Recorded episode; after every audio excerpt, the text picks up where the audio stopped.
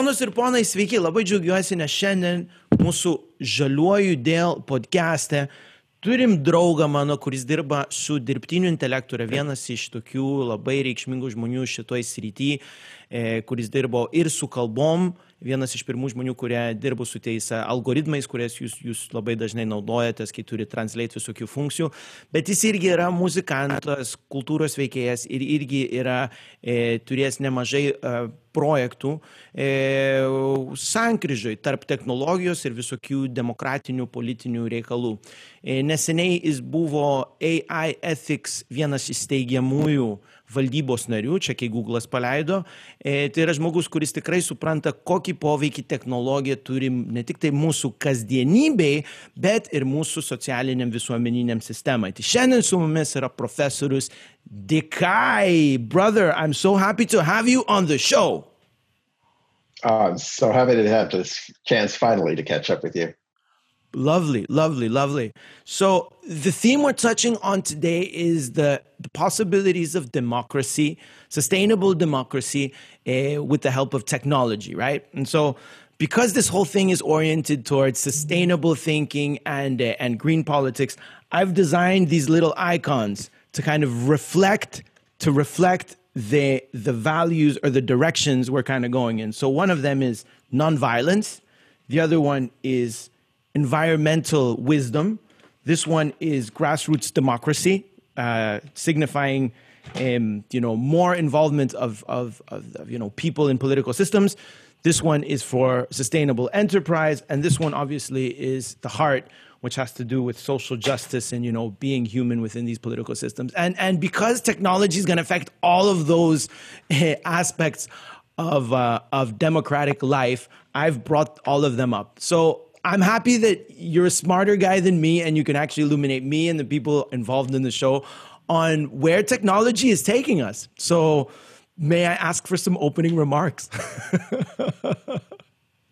oh my God, that's pretty broad. Um, I think that uh, one of the things you know that has been really on my mind lately is that as someone who's been working on AI for um, oh my God, like 35 years or something, um, and sort of constantly pushing the edge in our state of the art and, and trying to shift our paradigms toward more and more intelligence in machines. Um, what worries me is that even though we are still quite some distance scientifically from having a true uh, intelligence in our machines, already we're witnessing um, catastrophic effects upon our societies, uh, upon our uh, uh, you know the the levels of polarization in our societies, the levels of bias, um, the levels of misinformation, and uh, it is tearing apart um, our democracies. It is tearing apart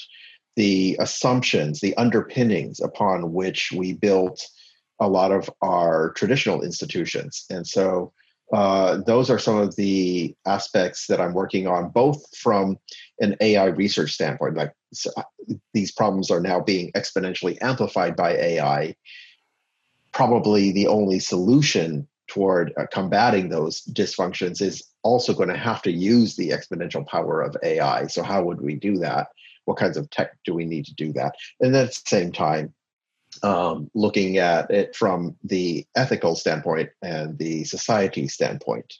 What are the mechanisms that we actually need to be looking at in terms of uh, governments and regulatory agencies, in terms of big tech companies, and most importantly, uh, in terms of the general population? And I think that's a conversation that we're not having enough when we when it comes to discussions about AI ethics and society is that people are talking a lot about oh what should government do? What should regulators do? People are talking a lot about oh uh, what should big tech companies do? They're doing it all wrong.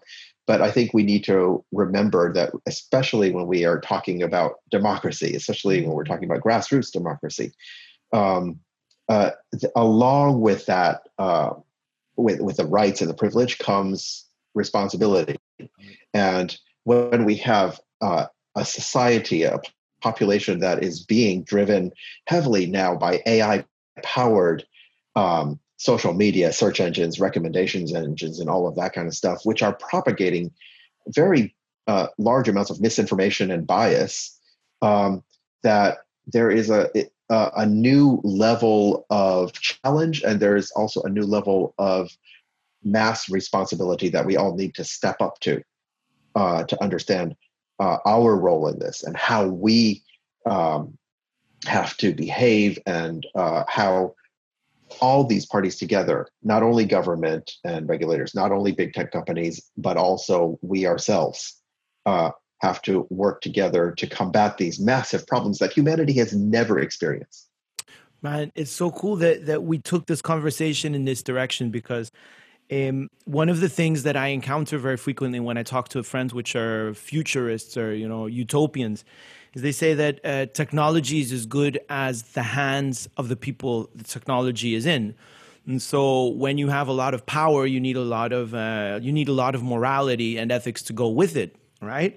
And so this is this is very interesting because on the one hand, we're talking about technology which is actually empowering society, and so the question is do you use that technology to gain a competitive advantage over your adversaries or to push an agenda? Or do you have to be slow and careful? Because, I mean, just think about it. Eh, when we're talking about com- technology companies, they're all about their bottom line. And even Facebook has been you know, completely designed to exploit our social relations just you know, to, to get their business model, um, you know, for the sake of their business model. And so, on, in, in a way, you can't blame them. They're just being competitive and exploiting the technology. Google has, one way or another, done the same. And then if you look at what's happened with democracy in Cambridge Analytica, we have a trend. So then how do you how do we how do we bring more conscientiousness when it comes to these technologies do we need like some kind of like nuclear non-proliferation thing going or you know what what has to happen uh, absolutely I, you know i think in a way you, you've you've put your finger on on something that's very important when when we look at our societies today uh, when we look at Hmm, say energy, electricity, or water. Um, these are fundamental necessities for life uh, today. Um, certainly, water, and for many of us, electricity. Um, and what we've done is we have gotten our governments and our uh, international systems to sort of provide that for the people right? it, it is critical, it is a critical role for government to provide clean water.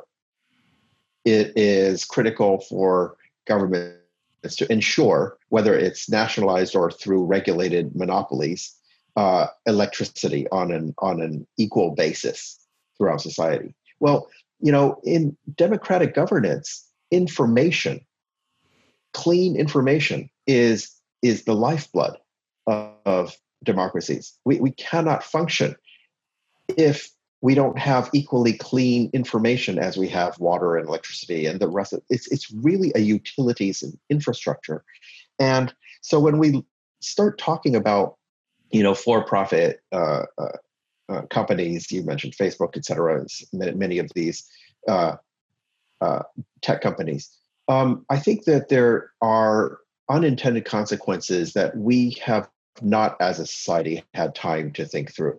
Um, and we've been treating them as traditional industries in competitive markets uh, where they're trying to t- get an advantage over the competitors, as you said. And this is happening both commercially within companies, domestically, but also geopolitically between countries and so forth. And the problem with that is that you're dealing with something that is just as important to modern society as water and electricity. Mm-hmm. And you can't take that approach and expect things to keep on functioning. Um, you know, there's a lot of rhetoric uh, around this from the other side that is talking about the, the necessity of having, you know, a marketplace of ideas, you know, free free market for ideas and all that stuff. That's you know great, sure. Um, and by the same token, we know what happens to free markets is that there are tremendous monopolistic tendencies. You know, there are tremendous biases in favor of entrenched incumbents and and so forth, right? And so uh, we do a lot in terms of government regulation, to compensate for that because otherwise everything just tends immediately to monopoly right? And so we have antitrust law we have regulators that are are governing the the fairness and and um, the accountability and the transparency even within uh, a marketplace within free market systems. We are not doing that for the marketplace of ideas. That is causing our pools of ideas of information to become tremendously polluted by monopolistic tendencies, by biases coming from entrenched uh, incumbent powers, by many other such things. And, uh, you know, as a scientist, um, that is extremely dangerous, right? Because the scientific method is all about how to consider alternative hypotheses, how to consider hypotheses that conflict with your a priori assumptions, how to rigorously and honestly test competing hypotheses, and then to revise our previous theories after looking at the empirical results. And it's a constant evolution that causes science to grow and to learn and to throw out wrong ideas. Um, we're not doing that enough um, today. And I think there's a huge range of new paradigms that we have to entertain in the way we see the distribution of the lifeblood, the water of our of today's information society. I love, I love, I love the way you've um, you've pinned information as uh, almost as a basic human right. I mean, this is the information age, right? Where we see that information is value, it is the lifeblood of our society.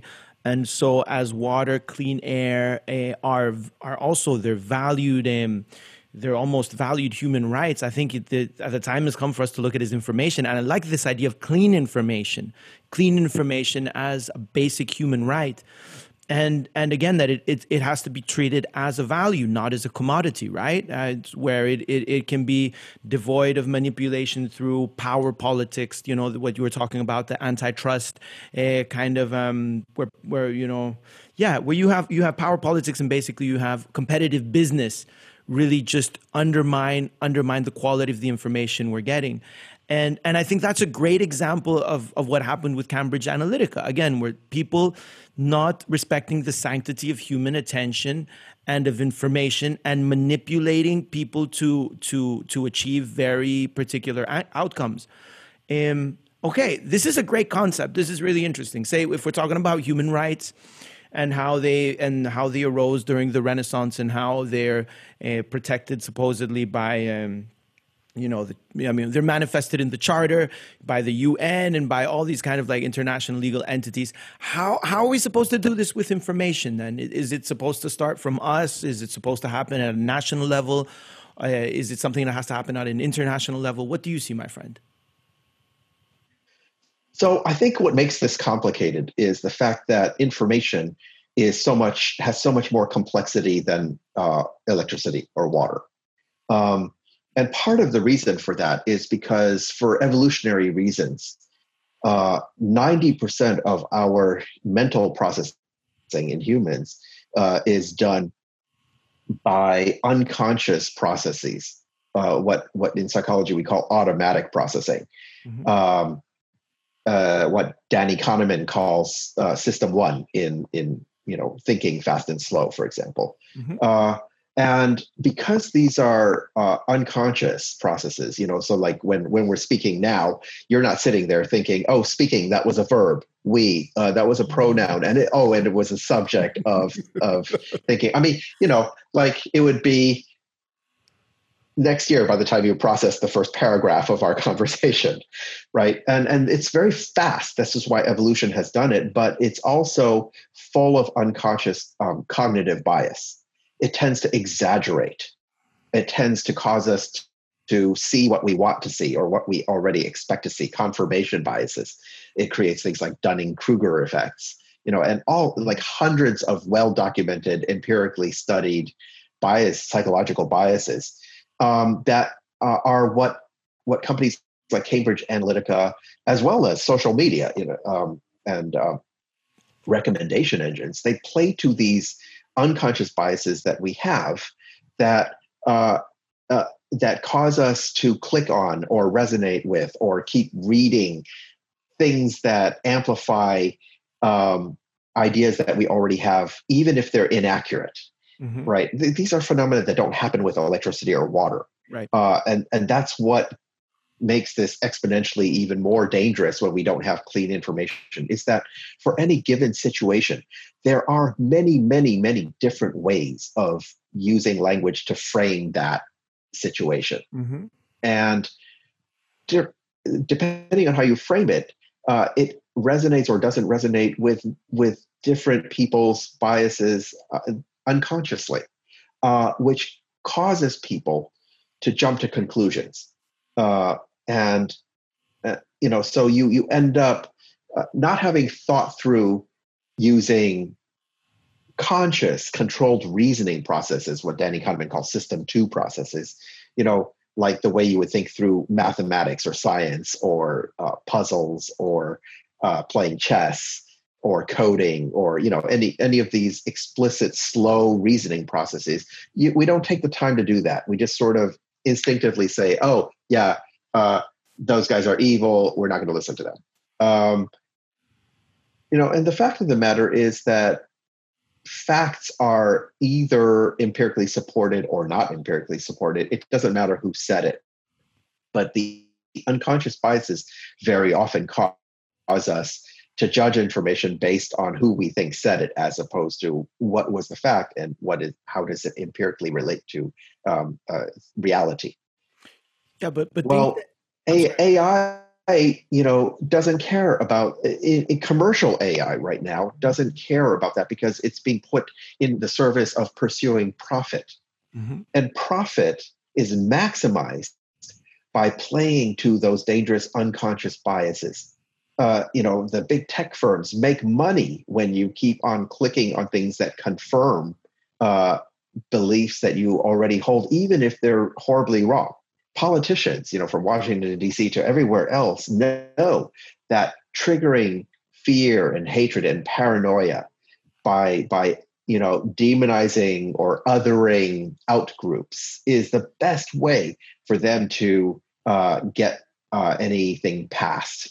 And so uh, we end up with these politics and and uh, you know power and money, power and profit incentives causing us to use AI in exactly the wrong ways to get clean information. Because clean information means, uh, like in scientific method, show all the different perspectives, show all the different hypotheses about the ways to describe the, the observable situation, and and actually honestly assess all of them. Look at the relationships between different ways of describing the same situation. Look at the hidden assumptions. Always question your assumptions uh, and try to get deeper. Try to go beyond the shallow surface assumptions. Revise our opinions with more and more information. Make sure the sources of our information are not selectively biased. Um, we don't have profit and power incentives right now that are driving us to do that. And that's absolutely critical to do. How do we reform our systems to incentivize that sort of healthy information flow? You see, see the, the curious thing is that then we start really moving into the realm of I think we, we go beyond ethics, we go beyond morality, we start going really to the realm of beliefs, you know, like really like the things that drive you, the things that you hold um, to be true uh, only because you make them true, you know, and you start talking about care, kindness, and really just like really very human things. Um, I I remember um, Monica Bielskite, our, our friend, um, she was talking about the problem which arises when you have an exponential growth in technology and it's not matched by an exponential growth in uh, conscientiousness in human in human evolution I've touched upon that thoroughly, and I, think it's a very interesting thing where you really need to improve the fabric of what you are as a human being before you take uh, the liberty of wielding these these technologies. And say, and so again, when we see, and I love how you mentioned that when you have AI, uh, powerful AI engines which are at the mercy of profit making, well, then you can't be surprised at the results.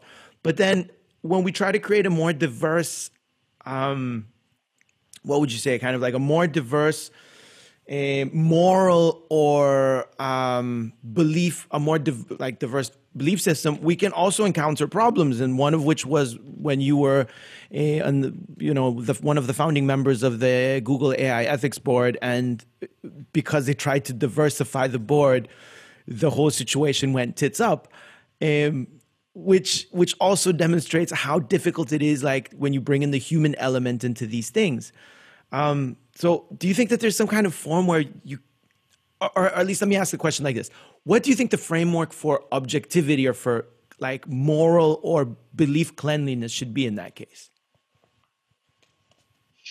You know, again, um, I think the scientific method is the best thing that uh, we have developed to to deal with these sorts of things. And um, I saw I saw a post recently. I can't remember who, where this came from, but I saw um, a post recently um, expressing what many of us have been um, saying, uh, which is that this whole COVID experience that we've been having uh, has been hugely an exercise in people uh, trying to catch up to what what scientists are constantly dealing with, which is uncertainty.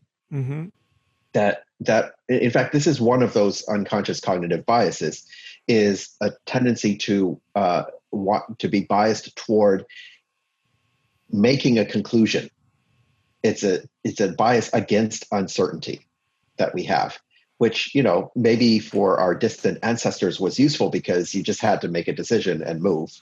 Yeah. Um, but but reality is messy. We don't know what the absolute truth is in lots of complicated situations. We don't know what the best economic system is we don't know what the best currency system is. I mean, reality is incredibly complex and we're constantly learning. And scientists are trained to constantly hold many different alternative hypotheses in, in our minds um, and constantly be tracking what are the supports uh, for different hypotheses that are competing what are the pieces of evidence that uh, don't that detract from those hypotheses? And uh, what are the experiments that would test that? What is the logic that supports them? You know and then revise as we go. And so clean information for scientists is to be holding an enormous range of diverse perspectives without committing to one of them to be able to talk about things non-judgmentally until you have the evidence and to maintain logical consistency to fill in all of those cracks. And then in the end, when you run more and more experiments and collect more data, you build certainty on some of the hypotheses more than others. And this is what we've seen happening with COVID. We still don't know tons of questions about COVID, what the answers are. And you constantly seeing see people criticizing you know, whether it's the WHO or criticizing, you know, this or that national health um, leader for having said the wrong thing four months ago, because people have a hard time wrapping their minds around the fact that there is uncertainty. And all we can tell you at any given point is here are the hypotheses, here are pieces of evidence in support of those, here are those against. There's a, a 67% likelihood of that being true um, and only a 30% likelihood of this. That's how we work. And I think uh, to answer your question, we, we as a population in the age of AI and machine learning, which is entirely statistic driven, we need to advance science education to where the general population becomes more comfortable understanding that so that we can deal with the diverse viewpoints and update our beliefs in a rational way over time instead of jumping to conclusions in very dangerous ways. And uh, you know, science education, when people talk about it now, I think far too often is it focuses on the wrong thing. Uh, to, to too many people, science education means make the kids memorize this theory in physics and this theory in biology. You know, uh, make the kids memorize this taxonomy of biological uh, uh, fa- you know genuses and families and so forth instead of teaching the scientific method, how how to think scientifically. Right? I remember at least I don't know about you. I remember in school, my education, I think we were only ever taught here are the rules for the scientific method, and now um, you're going to practice it by running this little miniature chemistry experiment. And you're going to, we're going to force you to write down a hypothesis. And then we're going to force you to write down uh, uh, your, your observations.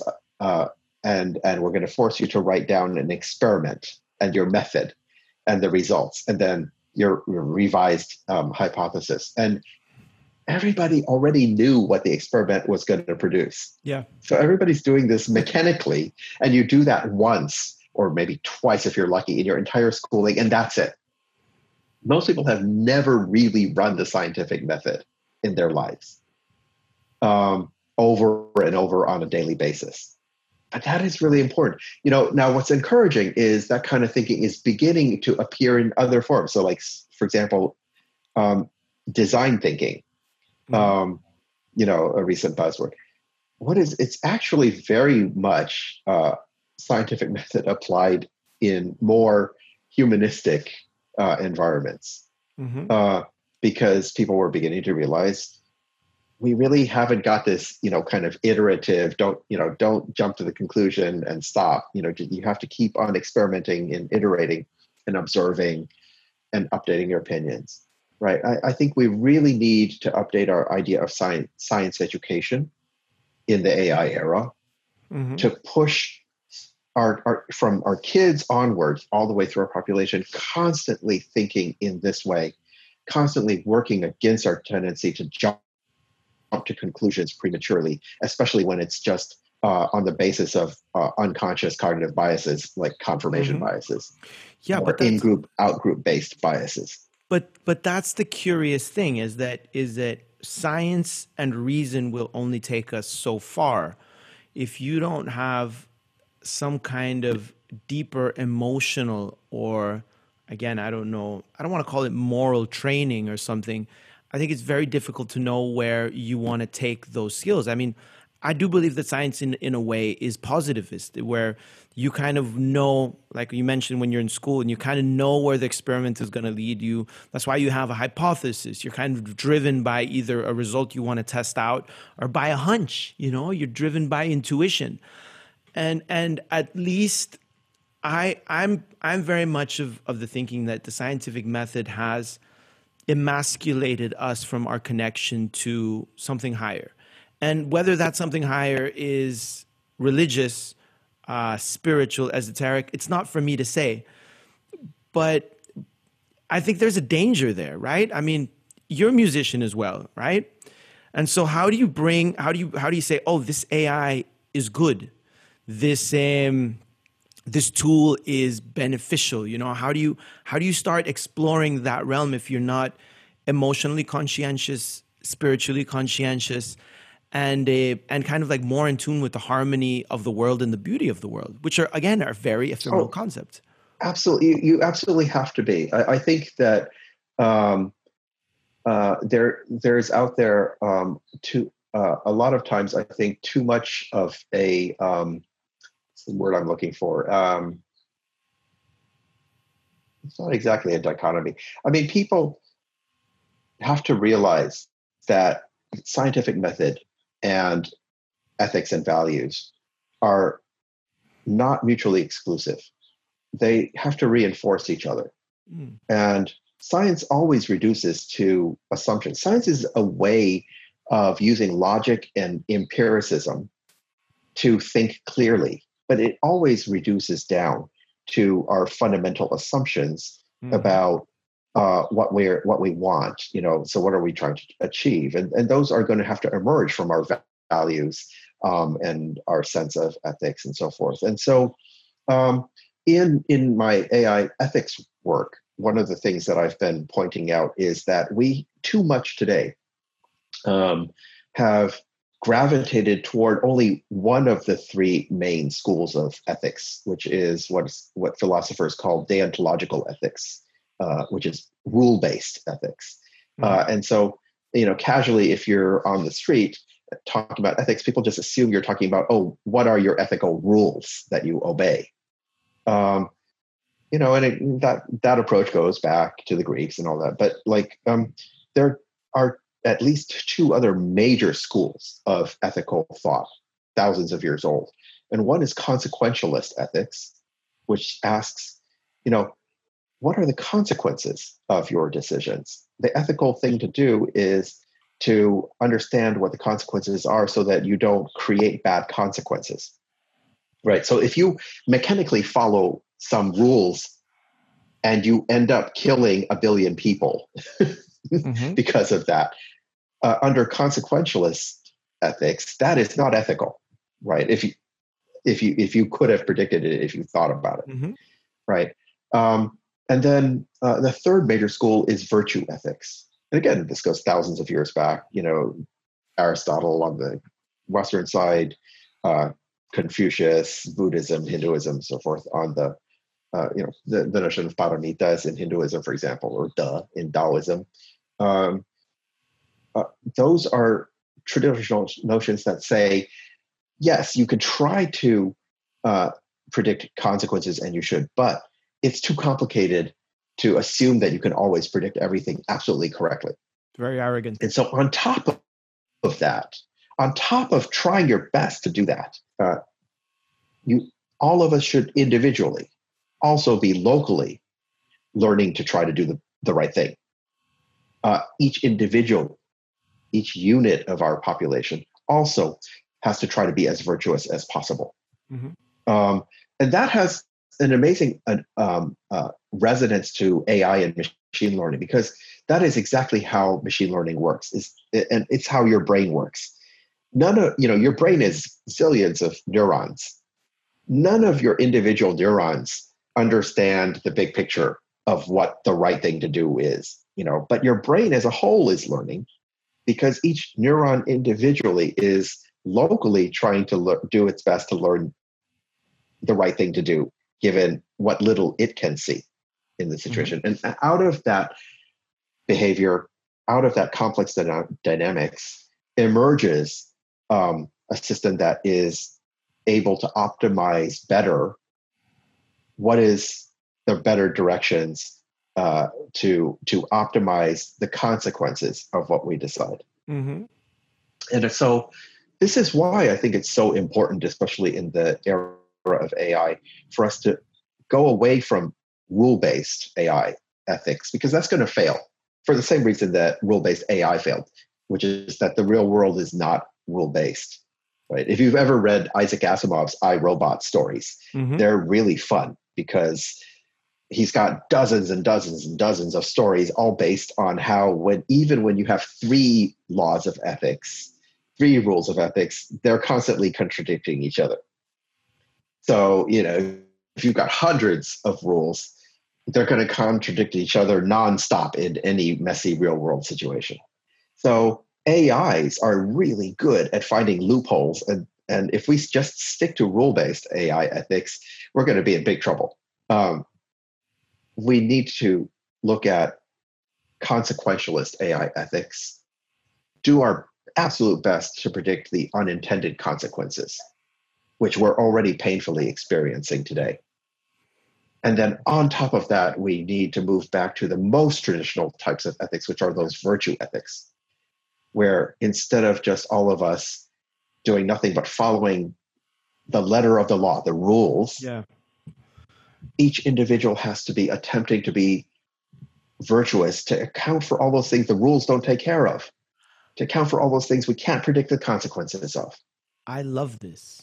I love this thing you're saying. I mean, especially because uh, the whole rule based um, experience, living experience, is is very much theoretical. It's very it's very scholastic, legalistic, but it's not it's not analog. It's not the way things really work. If we look at the, um, the political realm as well, it tends to be very rule based, right? Completely. Though yeah and and and so the and and a lot of the ways we affect reality is through writing laws you know you may do this you cannot do that And I come back to this one saying, which I really love. I mean, it's a bit, it's a bit disruptive. It's a, it's a little bit um, controversial, but it says that laws are for them, are for the fool to abide, and the wise man to consider. Have you heard this one before?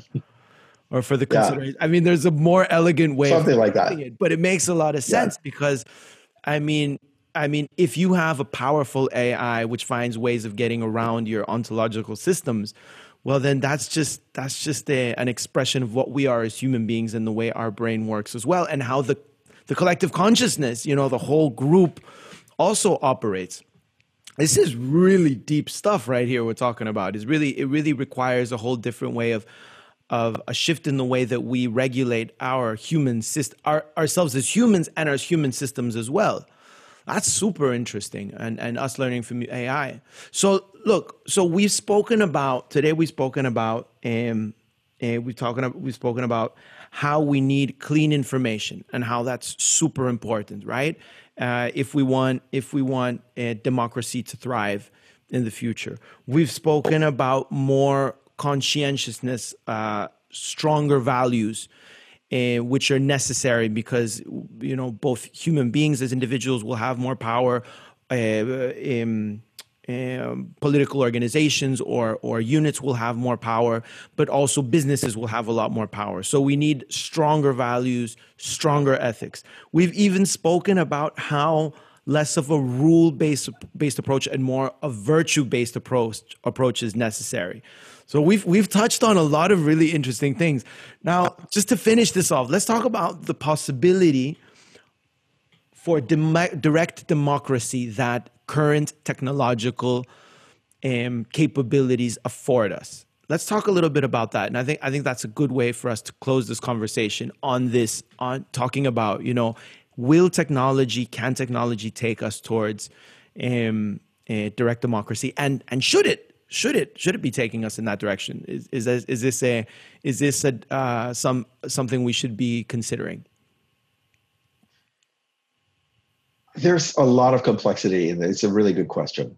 Um, so, uh, you know, democracy. I think it's important uh, to recognize that the idea of participatory democracy is actually got three, at least three uh, different aims uh, that that get bundled together, but we don't always think about. So, if we tease those three important aspects apart, um, I think it kind of turns out to exactly mirror uh, something I mentioned earlier, which is the goals of fairness and accountability and transparency. Mm-hmm.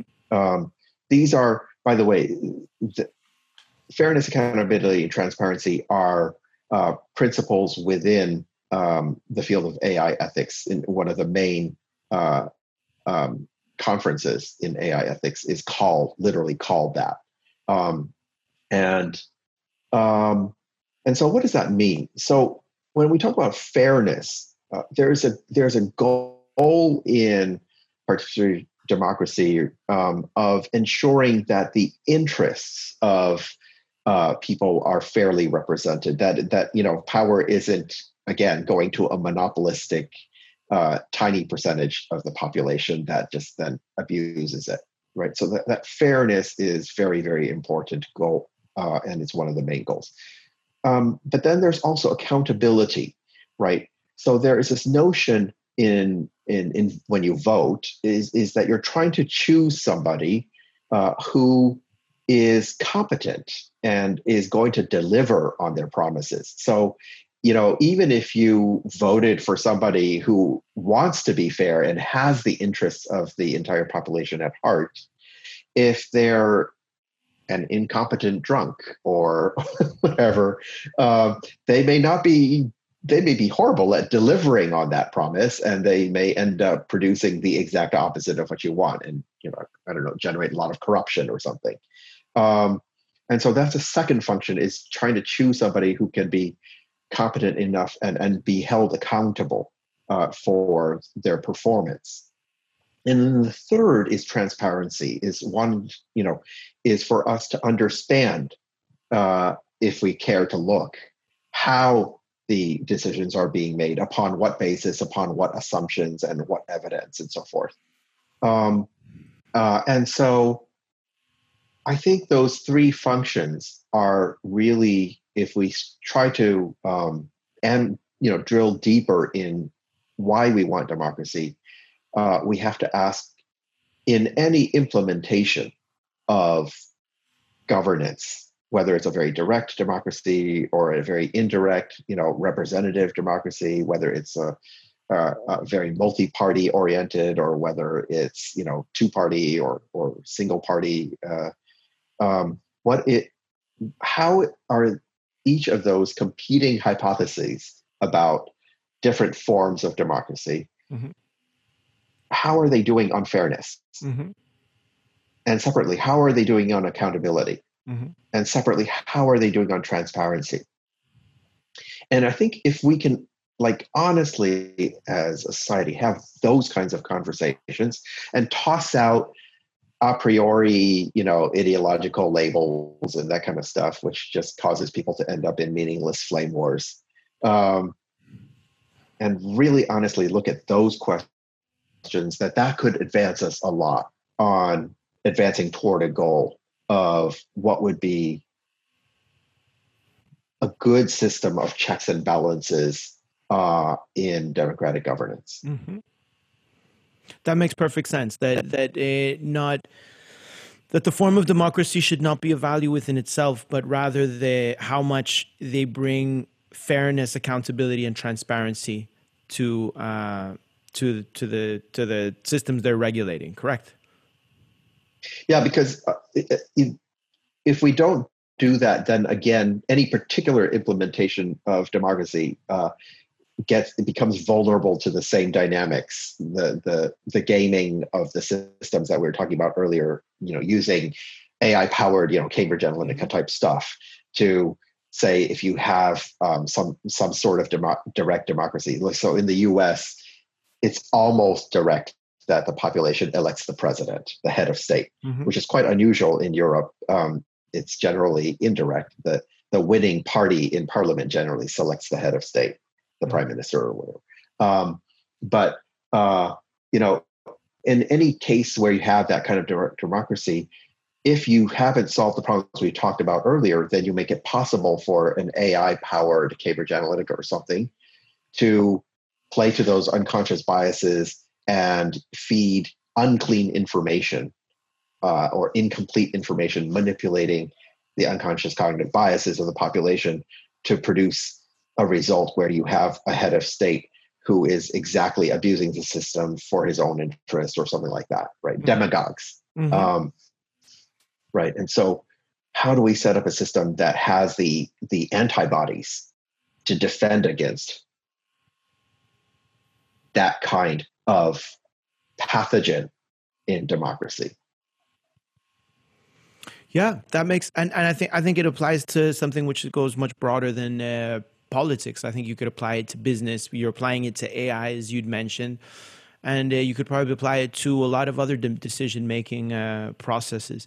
That's great, brother. I have had you with me for over half an hour at the moment. I mean, it's really lovely talking to you. I could talk to you for hours and hours, but uh, people's time is limited. Attention is one of the scarcest commodities on the planet today. And so I must say goodbye. And I would like to thank you very much for being on our Žaliuoju dėl podcast today. And uh, I'm looking forward to um, maybe having you on the show in the future where we can have maybe part two of this, this very broad theme, which we I think we only scratched the surface of today. De Kai, thank you very much. Always, always a pleasure. Thank you, Jurgis.